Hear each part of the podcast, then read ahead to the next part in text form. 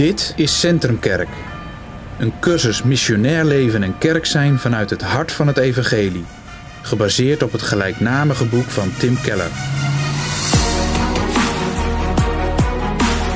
Module Stad, deel 3. Contextualisatie van het evangelie. Evangeliebediening volgens Centrumkerk kent nog te weinig, nog te veel contextualisatie met betrekking tot de stad en de cultuur. Omdat de stad zowel mogelijkheden schept voor de bloei van de mens als voor verafgoding van de mens, kent onze bediening een balans, waarbij we het evangelie gebruiken om de cultuur zowel te waarderen als uit te dagen om in overeenstemming te komen met Gods waarheid. Introductie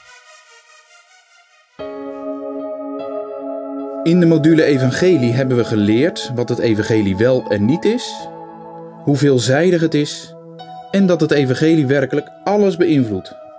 Vervolgens hebben we gezien dat een herontdekking van het Evangelie nodig is.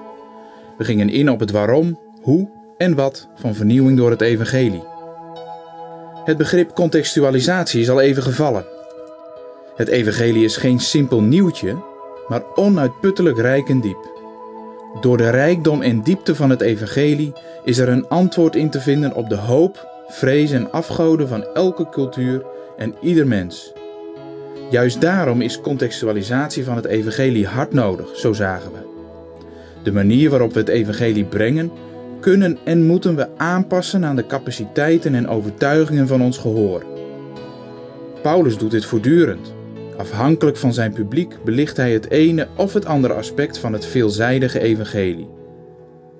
We citeren Keller en herhalen dit citaat. Het evangelie kan steeds anders worden verteld vanwege de enorme rijkdom van het bijbelse materiaal met al zijn intercanonieke thema's en vanwege de gevarieerdheid van de mensheid. Paulus presenteerde het evangelie telkens anders. Hij gebruikte wisselende volgordes en argumenten afhankelijk van de cultuur die hij wilde bereiken. Dat moeten wij ook doen. Het evangelie is zo rijk dat er voor elke situatie een passende vorm is. Binnen een afzienbare tijd woont 70% van de wereldbevolking in steden. Dus hebben we allemaal een theologische visie nodig die op de stad gericht is. De grote steden zijn strategisch en braakliggend terrein voor het evangelie. Daarom moeten we de stad omarmen, als we vruchtbaar willen werken. Om onze medemens te kunnen bereiken, moeten we het evangelie contextualiseren. De verkondiging van het evangelie moet worden aangepast aan de cultuur van het stadsleven. In dit deel gaan we dieper in op contextualisatie. Wat is de Bijbelse grondslag ervoor? Hoe kunnen we het evangelie op zo'n manier contextualiseren dat we de cultuur kunnen respecteren en tegelijk weerspreken? 7. Bewust contextualiseren. Contextualisatie is niet mensen vertellen wat ze willen horen. Als je goed contextualiseert, krijgen mensen juist bijbelse antwoorden, ook al willen ze die helemaal niet horen. Contextualisatie zorgt ervoor dat mensen antwoorden krijgen op levensvragen die zij in hun eigen situatie stellen, in een taal en een vorm die ze kunnen begrijpen. De kracht van de argumenten en oproepen komt over, ook al zijn ze het er misschien niet mee eens. Goede contextualisatie betekent het vertalen en het aanpassen van de boodschap van het evangelie aan een bepaalde cultuur zonder dat het wezen en de bijzonderheden van het evangelie worden aangetast. De uitdaging is om de boodschap van het evangelie zo te verwoorden voor een nieuwe cultuur dat de boodschap niet onnodig vreemd overkomt, terwijl tegelijk het aanstootgevende karakter van de bijbelse waarheid niet wordt weggelaten of verdoezeld. Het evangelie legt een verbinding met de cultuur, maar gaat tegelijk de confrontatie aan. Te weinig of te veel contextualisatie maakt verkondiging vruchteloos. Als in een preek de Bijbelse waarheid wordt gecontextualiseerd, wordt die waarheid in verband gebracht met het dagelijkse leven, met de hoop, verhalen, angsten en zonden van de mensen. Als we gelovig en deskundig contextualiseren, begrijpen de mensen dat de culturele basis van hun samenleving en de hoop in hun hart alleen in Jezus tot vervulling komen. Welke persoonlijke of culturele achtergrond iemand ook heeft, goede contextualisatie zorgt ervoor dat iemand begrijpt dat de lijnen van zijn of haar levensverhaal alleen in Christus een happy end vinden.